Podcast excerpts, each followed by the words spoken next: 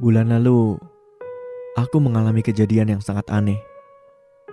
Aku dan empat temanku pergi ke daerah angker di sekitar tempat tinggal kami untuk menghabiskan waktu dan melakukan uji nyali. Waktu itu sekitar jam 9 malam, jadi suasananya sudah sangat gelap.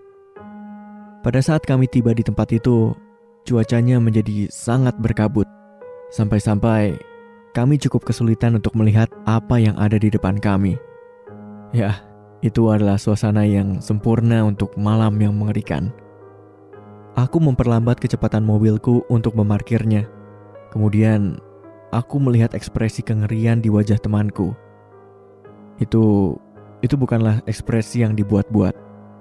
Kemudian, dia mengatakan, "Percepat." dengan nada yang membuatku penasaran dan juga takut. Tanpa berpikir panjang, Aku mempercepat laju mobilku sekitar 16 km per jam dari kecepatan awal karena aku berpikir tempat yang kami kunjungi mungkin membuatnya sedikit takut.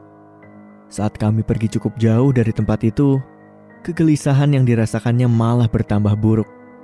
Pada titik ini, aku hanya ingin pergi jauh karena ketakutannya mulai membuatku takut. Saat aku membawa mobilku melaju lebih cepat, aku melihat apa yang membuatnya sangat ketakutan.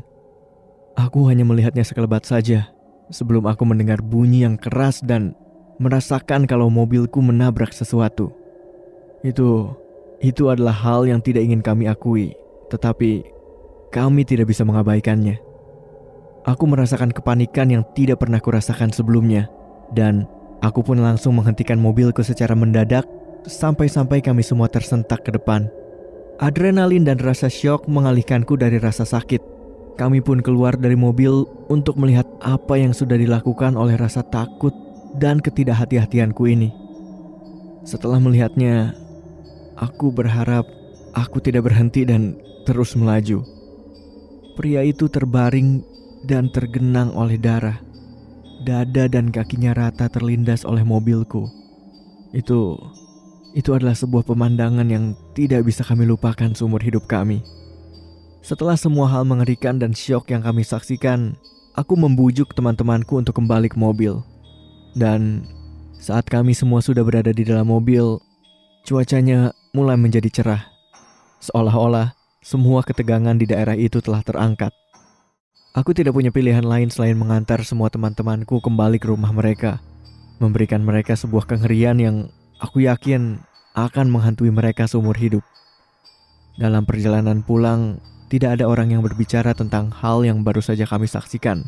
Dan aku tidak masalah dengan hal itu. Tapi dalam perjalanan pulang, aku merasa kalau ada sesuatu yang mengikuti kami. Tetapi aku mengabaikannya dan terus mengemudikan mobilku. Aku mengantar semua teman-temanku, membuat mereka berjanji kalau kejadian itu tidak akan diceritakan kepada siapa pun. Kemudian Aku pun pulang untuk membersihkan mobilku. Aku menyemprot ban dan bumper sampai bersih, kemudian masuk ke dalam rumah untuk mandi. Aku masih bisa merasakan seperti ada sesuatu yang mengikutiku. Hal itu membuatku resah, tetapi aku tahu itu adalah perasaan bersalah. Rasa bersalah adalah bentuk pikiran dari karma. Tidak ada orang yang bisa benar-benar lolos dari perbuatannya. Setelah selesai mandi, Aku bersiap-siap untuk tidur, berharap aku bisa melupakan malam yang buruk ini selamanya. Aku pun tertidur setelah dua jam, tapi tapi itu adalah kesalahan terbesar dalam hidupku. Aku terbangun tiga jam kemudian dan melihat pemandangan terburuk yang pernah kulihat. Di kaki tempat tidurku, aku melihat wajah dari orang yang kutabrak tadi. Berjarak sekitar dua kaki. Itu itu adalah perwujudan dari rasa takut. Tubuhnya hancur, dada dan kakinya rata.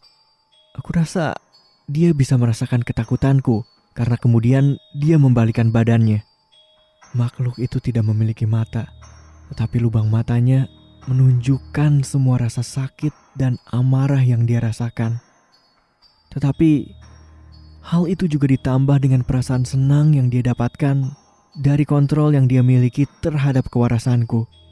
Dia menerjang ke arahku dan berhenti hanya sekitar beberapa senti dari wajahku.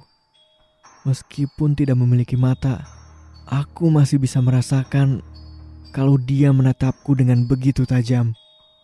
Kemudian dia berbisik dengan nada yang sangat mengerikan. Selamanya. Setelah itu, dia merangkak keluar dari kamarku. Aku langsung berlari keluar menuju mobilku. Lalu aku mengemudi selama enam jam penuh atau lebih tepatnya sampai pagi. Aku tidak tahu makhluk apa itu, tapi aku tahu kalau dia akan ada selamanya bersamaku. Sebagai pengingat, bagaimana rasa takut dan panik bisa menghancurkan kehidupan seseorang.